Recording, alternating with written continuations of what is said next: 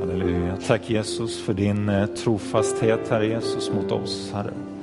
Tack Herre Jesus för att oavsett vad vi går igenom i livet så står du ändå fast, Herre Jesus. Du är den som aldrig sviker, du är den som aldrig överger, Herre. Du är den som ständigt står på vår sida, Herre, och manar gott för oss, Herre. Och Herre, vi tackar dig för det. Vi tackar dig för din trofasthet genom åren. Herre Jesus, det som du har gjort i våra liv och det som du har, har tänkt och det som du har, har öst över oss med din välsignelse, Herre Jesus. Vi tackar dig för det, Herre. Vi tackar dig för det som vi har just nu och vi tackar dig också för det som ligger i framtiden. Det som vi inte kan se, Herre Jesus, det som vi kanske är oroliga för, Herre, det ger vi till dig, Herre Jesus, och du tar hand om det, Herre Jesus. Vi får ge allt till dig, Herre Jesus, och du tar hand om allting, Herre Jesus. Idag så lägger vi våra liv i dina händer och du är här och tar hand om oss, Herre. Tack Jesus. Tack Jesus.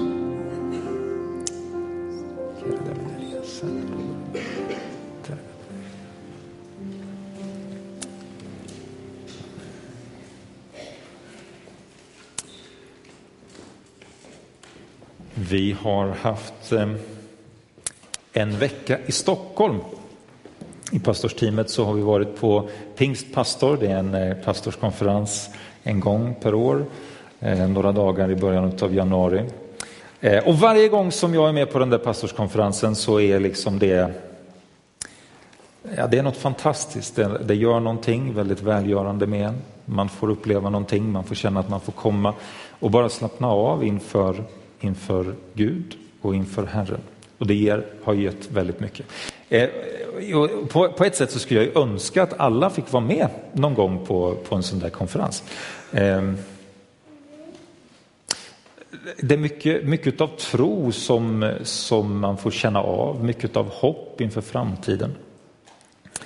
Um, några saker som jag tänkte att jag ville dela med er um, är de här. Visste ni att de, under de senaste tio åren så har det grundats över 270 pingstförsamlingar i Sverige? Visste ni det? Över 270 pingstförsamlingar, alltså pingstkarismatiska kan vi kalla dem för. Då. Pingstkarismatiska församlingar har grundats i Sverige. Men vad då säger du, det har vi inte hört talas om, eller var är de någonstans? Ja, många av de där församlingarna är ju då grundade utav, utav människor som har kommit hit från andra länder.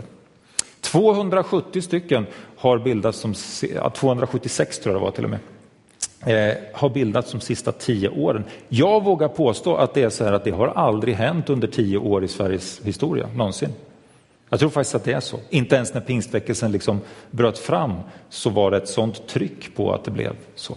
Det är en sak.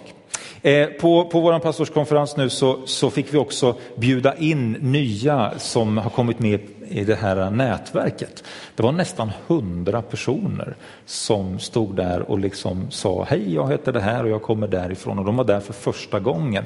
Eh, och då, många av dem unga människor ger också hopp om att det finns någon som kommer eh, och tar vid, någon som har känt Guds kallelse och känner att jag vill ge mitt liv till detta. Det finns det. Vi fick också möta elva stycken team från lite olika eh, platser i Sverige som, som idag är på väg att gå ut och grunda nya församlingar i Stockholm, i Visby, i eh, Ludvika, i eh, Ja, jag kan inte komma ihåg allt vad det nu var för någonting, men det var många olika platser i alla fall. Elva stycken team. Växjö var en av platserna också. Eh, som, eh, där det grundas nya församlingar. Eh, och de, de, just de församlingarna då hör, hör ju till oss i, i vår rörelse. Så, så, när man är på en sån, här, eh, en sån här pastorskonferens så får man smaka lite av det som Gud faktiskt gör i det land som vi bor i. Ibland så ser vi på oss själva, ibland så ser vi på det, eh, det sammanhanget vi är i och just det som finns runt omkring oss och så tänker vi att oj, vad, vad händer egentligen? Händer det någonting överhuvudtaget? Eh, och vi skulle vilja att det hände mer, eller hur? Vi skulle önska att det hände mer, vi skulle önska att vi kom ett steg vidare. Vi vill ju vara med i detta, vi vill ju vara med i och se att människor får grepp om vem Jesus är, att människor blir frälsta, kommer till tro och, och är med i Guds verk. Det är det vi vill se. Och då kan det vara en uppmuntran att få höra att Gud faktiskt gör någonting i vårt land.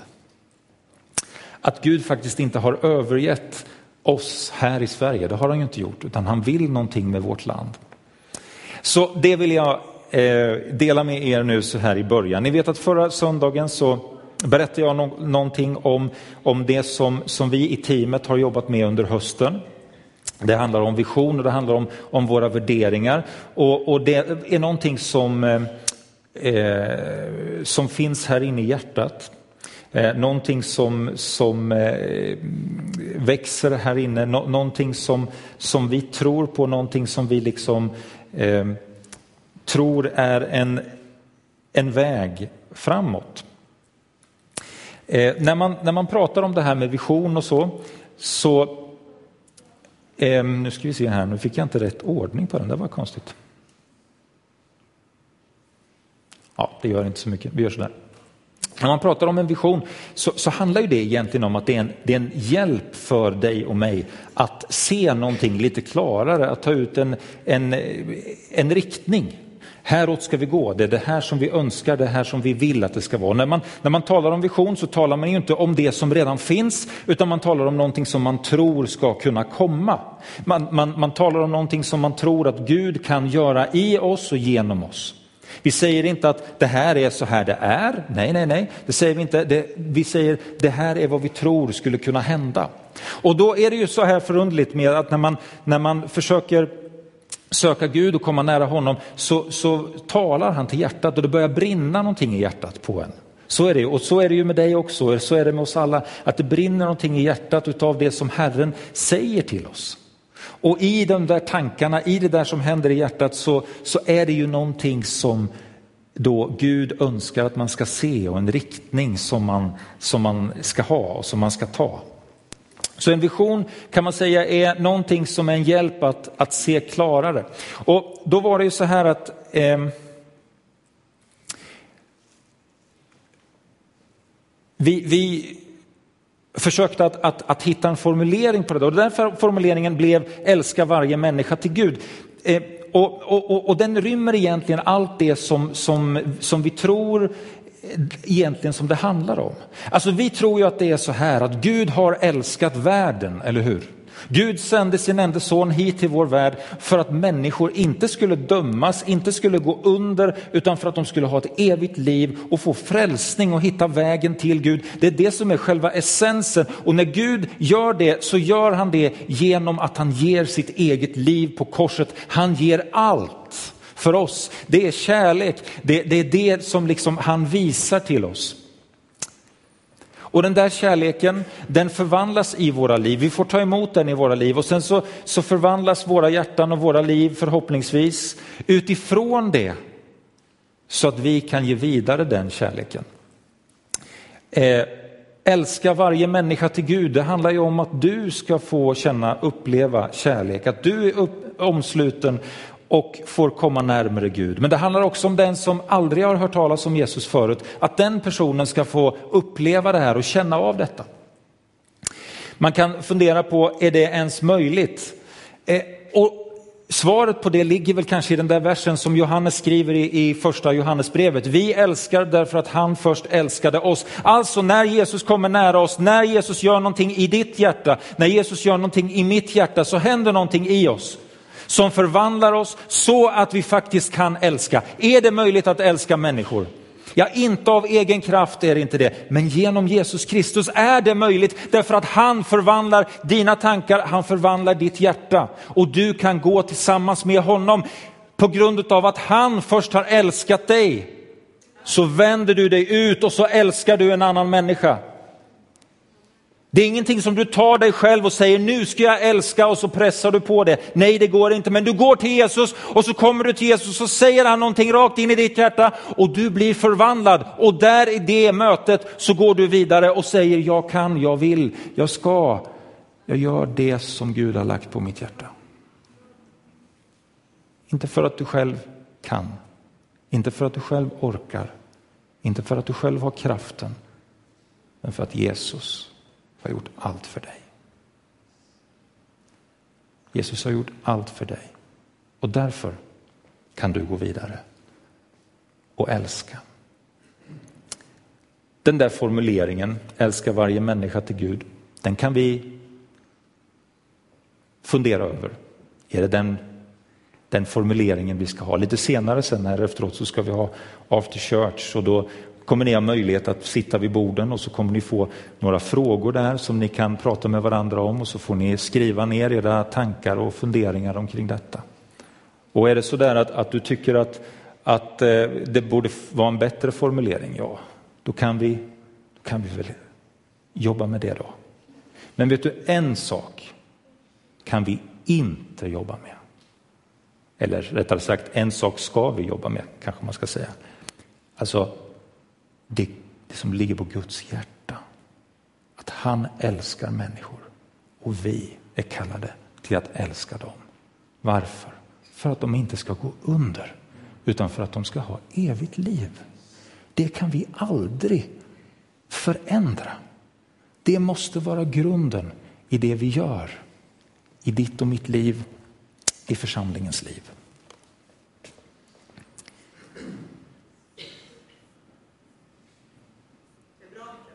Amen, amen tack. Här har vi det. Så älskade Gud världen att han gav den sin enda son för att det som tror på honom inte ska gå under utan ha evigt liv. Ty Gud sände inte sin son till världen för att döma världen utan för att världen skulle räddas genom honom. Det är ju det det handlar om. Det är det här som det handlar om. Och det kan vi aldrig kasta bort. Det måste vara kärnan i det vi gör. Det måste vara det som vi utgår ifrån i allt när vi tänker församling. Hur gör vi det här? Hur lyckas vi med det här? Hur gör vi det som Gud har lagt ner i församlingen? I, eh, i Stockholm så, så fick vi eh, höra en, eh, en jättebra förkunnelse och predikan om atmosfär och jag tänkte jag ska, ska nämna någonting om det här faktiskt. Ehm, ni vet ju att vi, vi har, jag har ju pratat om, om då vision men jag har också pratat om värderingar och det här med atmosfär har då har att göra med detta med värderingar. Ibland kommer du höra mig prata om kultur, vilken kultur har vi i församlingen? Ibland kanske man skulle kunna använda det här med atmosfär. Jag ska berätta en, en berättelse, han inledde den här predikan med just den här berättelsen. Den var så pass bra så jag tänker att jag, jag tar den, jag snor den från honom och så, så berättar jag den för er. Eh, och, och, han berättade om sitt liv när han var ung, han gick på eh, bibelskola i Australien och sen hade han fått ett jobb eh, och han skulle vara på någon sån här plantskola där man, där man eh, eh föder upp, nej vad heter det, där man Driver upp heter det. Ja, precis, man föder ju inte upp, man driver upp dem. Ja, ja, absolut. Man, man, de, de drev upp orkidéer, så här jätte, jättefina orkidéer. Men det var ett problem.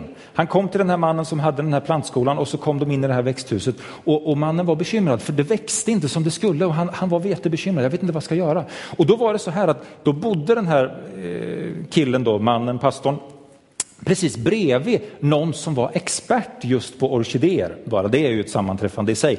Hur många sådana finns det egentligen i världen? Ja, det kan man fråga sig. Men i alla fall, han frågar sin granne, skulle du kunna komma med och titta Eh, på, på det här sammanhanget? Ja, ja visst, jag, jag följer med, säger han. Och de kommer dit och sen så kommer de fram till den här eh, plantskolan, det här växthuset och han tar tag i, i detta och så går han in. Och det första han säger när han kliver in är här kommer det aldrig kunna växa någonting. Bara genom ett steg rakt in. Varför? Han säger så här, därför att det inte är rätt atmosfär här inne. Förutsättningarna för att orkidéerna ska kunna växa är inte rätt. Ni kan göra vad ni vill, det kommer inte funka. Ni måste ändra på atmosfären här inne. Det måste bli rätt atmosfär. Får ni rätt atmosfär, då kommer det hända. Men om det inte är rätt atmosfär, då kommer ingenting att ske. Och vet du, det är precis samma sak med Guds församling. Det måste vara rätt atmosfär, rätt kultur, rätt saker som händer mellan dig och mig. Det som känns här inne, det som, det som händer här inne måste vara rätt. Det måste fungera. Du vet hur det är när du, när du kommer till ett sammanhang och, och atmosfären känns lite så här, oj, oj då, När det känns lite spänt i rummet. När det är några som har bråkat och så sitter man vid ett, vid ett bord och sen eh, så blir liksom, det blir väldigt tyst och man kommer dit och får jag? Nej, det var, nej, ja. Man känner av det, eller hur? Man kan känna det i vibbarna. Och så är det också när människor kommer till en församling. Man kan känna vibbarna. Hur är det här egentligen? Hur funkar det här egentligen? Vi ska ha en, en riktning i församlingen, en vision som vi går åt. Men vi ska också arbeta med, med livet mellan oss, med atmosfären. Att när man kommer hit så ska man uppleva någonting som är positivt, någonting som gör att det föder liv. Är det så att vi har atmosfären, kulturen i församlingen som gör att människor växer? Är det så att vi har kulturen i vår församling, atmosfären i församlingen som gör att när människor kommer hit och hör budskapet så blir de frälsta? Det är viktigt.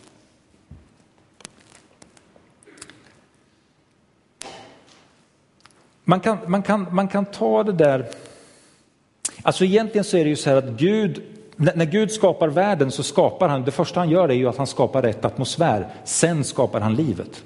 Ja, så gör han ju. Och, och egentligen är det också så att vi har ju hjälp av Gud när en atmosfär i församlingen ska skapas, eller hur? Det tror vi ju på. Vi tror på den heliga ande, vi tror på att Gud är med och gör jobbet tillsammans med oss. Men det är också så att du och jag spelar roll.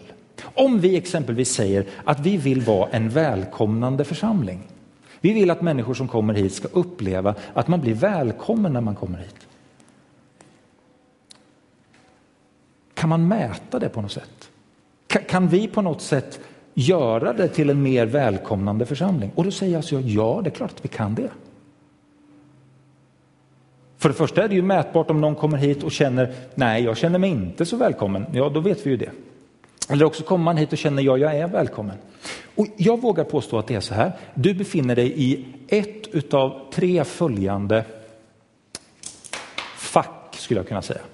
Du kommer till kyrkan och hälsar på några stycken när du kommer. Du hälsar på dem som är dina vänner, absolut, som du känner mest, eller kanske den som står som kyrkvärd och sen sätter du dig på, din plats. Där kan man vara som människa. Du kan också vara den där som hälsar på, på några stycken fler. Eh, de där du känner, de du har träffat förut. Den första kanske hälsar på tre, fyra, fem stycken. Den andra där kanske hälsar på femton stycken. Och den, den tredje kanske du är om du hälsar på många. Du kanske hinner att hälsa på 30 eller 40 stycken. Vet ni hur vi skulle kunna bli en mer välkomnande församling här? Det är att oavsett var du befinner dig, om du hälsar på tre eller om du hälsar på 15 eller om du hälsar på 30. Att när du kommer till kyrkan så tänker du så här, idag ska jag göra någonting som jag inte brukar göra. Jag ska hälsa på några fler. Du som hälsar på tre, du kanske kan hälsa på sex stycken. Du som hälsar på 15 stycken, du kanske kan hälsa på 20. Och du som hälsar på 35, 40 stycken, du kanske kan hälsa på 50 stycken. Om vi alla tänker så, om vi alla tänker så här att jag ska göra det jag kan för att alla de som kommer hit ska få uppleva att det finns någon som har sett mig, det finns någon som bryr sig om att jag kommer hit. Om du tänker så varje gång du går till kyrkan och du startar där du står. Om du hälsar på två i vanliga fall så tar du ett steg till och hälsar på tre. Om du hälsar på tio så hälsar du på tolv. Om du hälsar på 25 så hälsar du på 30. Okej, okay? ni, har, ni har fattat bilden. Om alla gör så, då lovar jag att någonting kommer att hända. Fler människor kommer att tänka, de hälsar på mig när jag kommer hit. Vi kan vara med och förändra atmosfären om vi tar de steg som du och jag kan göra. Det här är ju någonting som vi gör tillsammans. Vet du, jag hörde en fantastisk, ehm, eh, ett fantastiskt vittnesbörd om, om Missionskyrkan här i Nässjö. Nässjö.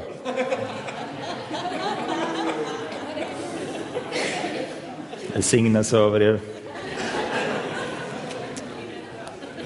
alla örebroare eller vad var det för något han sa, kungen? Nej, eh, det var ju inte Nässjö va? utan det var ju här i Lidköping, det var ju här det var. Ja. Och så är det några som jag pratar med och så säger de så här att ja, när vi kom dit så, du vet att det var så här att, att eh, det var som att de slogs om att få hälsa oss välkomna. De slogs om att se till att, de, att vi skulle sitta vid det bordet och fika tillsammans med dem i kyrkan. Det är ett fantastiskt vittnesbörd. Välsignelse över Missionskyrkan, välsignelse över dem som gjorde det där för de där personerna i, den, i det sammanhanget. Men nej, jag hoppas att vi ska få höra människor som säger exakt samma sak om oss. Du vet, det var helt tokigt. Jag kom till Pingstkyrkan i Lidköping. De är helt galna. Jag trodde aldrig jag skulle komma därifrån. De bara höll på att hälsa på mig och de tryckte ner mig och sa att nu ska du fika tillsammans med mig. Jag, kom aldrig, jag höll på att aldrig komma därifrån. De är tokiga. De ger sig aldrig. Hörrni, vi kan göra det. Och då är det någon som säger så här eller tänker så här, ja men vad då? Då hälsa på folk, det är väl inte så betydelsefullt. Det är ju viktigare att, att någonting sker på djupet. Ja, det är viktigt att någonting sker på djupet, men allting har ju olika processer, eller hur? Du tar ett steg och så tar du ett steg till och så tar du ett steg till. En välkomnande församling, det kan du och jag vara med och skapa. Eh. Nu ska vi se här. Ja, vi hinner nog. Det här är en av de värderingar som vi vill lyfta och som vi vill säga det här är viktigt. Vi går inte till kyrkan utan vi är kyrkan. Vad handlar det här om? Jo, det här det handlar egentligen om, om det som står i Matteus 16. Jesus säger så här, och ni, frågade han, vem säger ni att jag är? Simon Petrus svarade, du är Messias, den levande Gudens son. Då sa Jesus till honom, salig är du Simon Barjona, Ty ingen av kött och blod har uppenbarat detta för dig utan min fader i himlen. Och jag säger dig att du är Petrus klippan och på den klippan ska jag bygga min kyrka och dödsrikets portar ska aldrig få makt över den. Jag ska ge dig nycklarna till himmelriket. Allt du binder på jorden ska vara bundet i himlen och allt du löser på jorden ska vara löst i himlen. Sedan förbjöd han lärjungarna att tala om för någon att han var Messias. På den klippan ska jag bygga min kyrka Dödsrikets portar ska aldrig få makt över den. Vad är det för klippa som Jesus bygger sin kyrka på? Ja. Någon kyrkotradition har tolkat det som att det är Petrus, ämbetet. Det, det, den traditionen står ju inte vi i, vi står i en annan tradition. Vi tror att det är den bekännelse som Petrus har.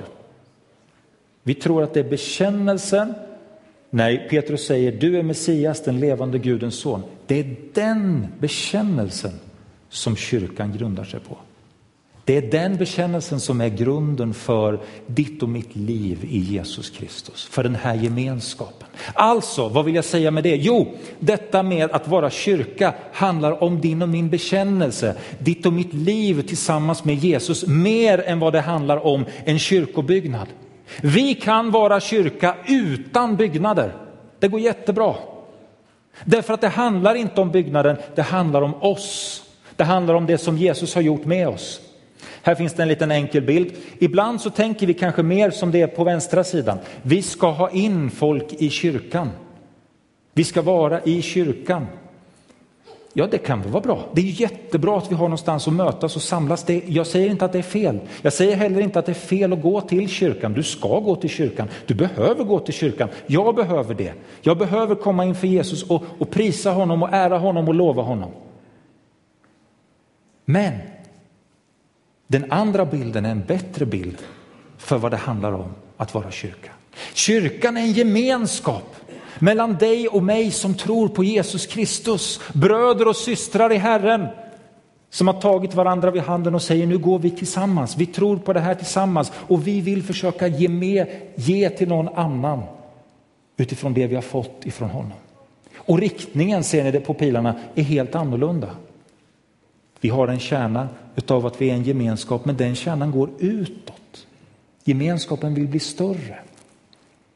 Att vara kyrka överallt där man är, inte bara i kyrkan här, utan hemma, på arbetsplatsen, i skolan, på äldreboendet, i stan, på fritiden, överallt. Så lever vi ut Guds liv, Jesu liv. Så otroligt viktigt.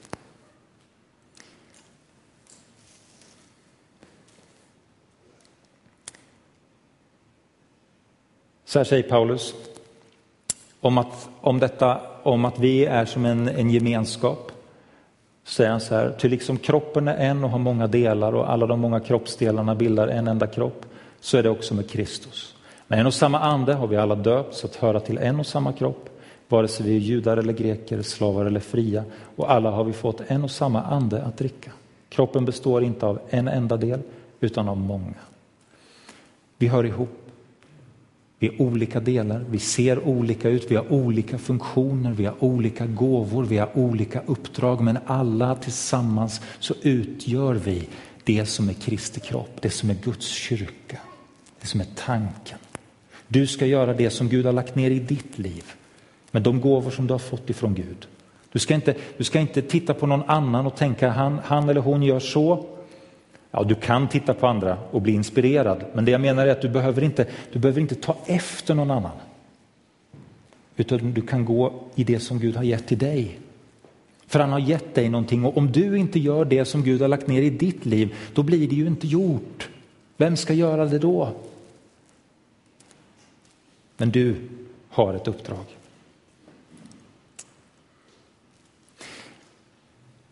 Och då kan man fundera över detta. Vad kan jag egentligen göra? Hur kan man egentligen leva det här livet? Som gör att man inte bara är liksom kyrkan när man är i kyrkan utan att man är, att man är en del av detta alltid. Vad kan man göra? Det finns ju mängder med saker som man kan göra. Men eh, några saker kan jag väl, kan jag väl kanske få, få peka på. Så kan du fylla på själv sen också. Ja, en sak är ju det när vi kommer tillsammans, alltså hälsa på, på flera människor. Det är ett bra sätt att bygga Guds församling. Ett bra sätt att vi får känna att vi, att vi hör ihop. Vi kan också tänka på när vi träffas att, att vi inte ska låta någon sitta ensam. Utan att man ser sig om efter, är det någon som behöver mig nu? Det är ett bra sätt att konkretisera att liksom, jag vill att andra ska få uppleva det här, jag vill leva i det här. Kanske kan du ge några timmar extra på second hand eller Café Global eller på Söndagsäventyret eller kanske är du med och fixar fika. Det praktiska är ju ovärderligt att vara med och göra, eller hur? Ibland så tenderar vi till att göra liksom andliga saker och sen praktiska saker. Det är två delar på något sätt. Men, men livet är ju inte uppdelat på det sättet. Jesus delar inte upp livet på det sättet. Utan när han frälser dig så frälser han ju hela dig. Det är inte en liten del av dig som blir frälst, utan det är ju hela du som blir frälst. Det praktiska är lika värdefullt och betydelsefullt som det andliga därför att det går hand i hand. Men det är klart, praktik utan andlighet, det blir ingenting. Men andlighet utan praktik blir heller ingenting. Men det är först när de går ihop. Kanske kan du bli ledare för en, eh, för en smågrupp. Vad vet jag? Det finns många saker som du skulle kunna göra för att ta det där ett steg till. Att leva församling, att leva kyrka. Hur lever man kyrka i hemmet? Hur gestaltas den kristna tron i hemmet? Det tror jag är en sak som vi brottas med. Hur får man till det egentligen hemma? Hur gör man? Paolo och jag vi har försökt att, att jobba med det de sista två, tre åren kanske. Fem, fem år. Tiden går fort. Det, var, det började när jag var helt ung. Jag var ungefär 26 när vi började för fem år sedan. Ja, nej. Eh, och, och, så började vi fundera på liksom, ja, men hur, hur gör vi det här? Hur, hur, får vi till det här med, med bibelläsning och bön tillsammans? Hur gör man det egentligen? Då var ju våra barn så här, äh, ganska stora var de ju då. Så vi bestämde oss för att ja, men, vi tar en middag varje vecka. Så bestämmer vi oss för att vi äter middag tillsammans. Det är ju inte alla, alltid man gör det, eller hur? Någon ska iväg på någon träning och någon annan ska göra det. Du vet, till sist är det en som sitter och äter middag vid fem olika tidpunkter. Så kan det ju bli, tyvärr. Men då bestämde vi oss för ja, men nu gör vi det här tillsammans. Vi tar en middag i veckan. Så läste vi ett bibelord. Det var någon liten andaktsbok vi läste ifrån. Och så gick vi laget runt och så pratade vi om vad kan det här betyda för någonting. Och så bad vi för veckan som hade varit och veckan som ligger framför. Ja, det är ju de där små enkla sakerna, det som man kan hitta i familjen. Så här kan vi gestalta den kristna tron, så här kan vi leva kyrka när vi är familj. Det gäller att hitta de sakerna. Hur kan du göra för att göra det hemma hos dig? På jobbet, på skolan, vad kan man göra? Vad skulle, vad skulle hända om alla vi skulle tänka så här att jag, jag ska försöka ge ett par timmar varje vecka. Det är ju många av er som tränar fyra, fem timmar i veckan, eller hur? Ehm, och har andra fritidssysselsättningar som tar ungefär så mycket tid. Så vad skulle hända om, om jag två timmar i veckan bestämde mig för att jag ska ge två timmar till en arbetskompis som jag har och dela livet med den personen. Jag ska försöka lära känna den personen. Jag ska låta den personen lära känna mig. Vad skulle hända? Säg att vi är 200 här inne. Vad skulle hända om alla vi gjorde så att vi tog en person som vi lärde känna, gav några timmar varje vecka och sen när vi känner att vi får en relation kunna säga de där orden som vi inte kanske kan säga om vi inte känner dem. Men när vi känner dem kanske vi kan säga, du, du vet, du vet att jag är kristen, du berättade om det där, jag, jag, jag ska be för dig. Får jag det? Du, nu så startade en alfakurs. Eh, det handlar om kristen tro. Vill du gå den tillsammans med mig? Vad skulle hända? Ibland så tänker jag så här att vi blir så väldigt fokuserade vid verksamhet. Vi ska ha den här verksamheten, vi ska göra den verksamheten och den verksamheten och det och det och det. Och sen har vi ingen tid för människorna som verksamheten ska vara till för. Vad är det för någonting? Vad är det för märkligt? Alltså, så kan det ju inte vara. Det måste ju vara människor först, eller hur? Jag tror att det skulle starta en revolution om vi tog den där grejen. Om vi tog och sa okej, okay, jag ska ge det de här timmarna. När jag bodde i Nässjö så, så fick jag lära känna en, en man som eh, inte hade någon överhuvudtaget kristen bakgrund. eller så. Han var med på skolavslutning och så hörde han mig eh, säga någonting där om något, jag kommer inte ihåg vad det var. Och så tog han kontakt med mig efteråt. Och där i och med den kontakten så, så inledde vi en, en, eh, det blev en, en vänskapsrelation. Vi träffade varandra, vi, vi fikade tillsammans, vi gick och tränade och lite sådär. Och sen efter ett tag i början så var det inte så lätt att prata om tro. Men, men efter ett tag så blev det lättare och lättare och lättare och lättare. Alltså, det handlar ju om att investera i människors liv. Vad kan jag göra? Vad kan du och jag göra för att leva livet där vi står, Jesuslivet? Att vara kyrka där vi är. För det är det vi kallar det till. Nu ska jag be teamet komma upp och så ska vi snart gå ner för landning. Jag vill bara säga en sak till innan, vi, innan jag avrundar. Och det är detta, att om du är här idag och inte har bestämt dig för, eller inte tagit emot Jesus, så vill jag säga till dig att idag finns den möjligheten. Man kan alltid komma till Jesus vilken dag som helst. det här är en av de dagarna som du kan komma till Jesus om du vill det. Då ska du veta att Jesus och Gud älskar dig. Han har gett sitt liv för dig. Han har gett dig allt för att du ska få syndernas förlåtelse, för att du ska få ett evigt liv. Om du finns här idag som vill säga ja, men jag vill följa Jesus, jag vill försöka tro på Jesus, jag vill, jag vill att han tar hand om mitt liv. Om du är här idag, då ska du veta att han tar emot dig. Han kom för att ge dig liv och liv i övernog. Han kom för att befria de fångna. Oavsett vad du är fången i så ska du veta att han har kommit för att befria dig. Och när du säger Jesus, ta hand om mitt liv, då kommer han dig till mötes och så säger han, jag befriar dig från allt. När du säger Jesus, förlåt mig mina synder, säger han, det lyfter jag av dig. Det är borta. Du är en ny skapelse i mig. Om du är här idag som vill ta emot Jesus och tro på honom och följa honom, så uppmuntrar jag dig till och uppmanar dig till att när vi under tiden som vi sjunger och, och ärar Gud tillsammans en stund till, kom fram för förbön. Eh, så ber vi tillsammans och så får du vägledning. Kom till mig eller kom till Palle, vi, vi finns här framme. Och det kommer också finnas andra förebedjare här framme. Och om det finns någonting idag som du känner att jag behöver få hjälp, jag behöver få stöd, jag behöver få någon, jag behöver att Gud gör någonting i mitt liv. Välkommen fram då. För Jesus är här för att möta med dig. Jesu namn.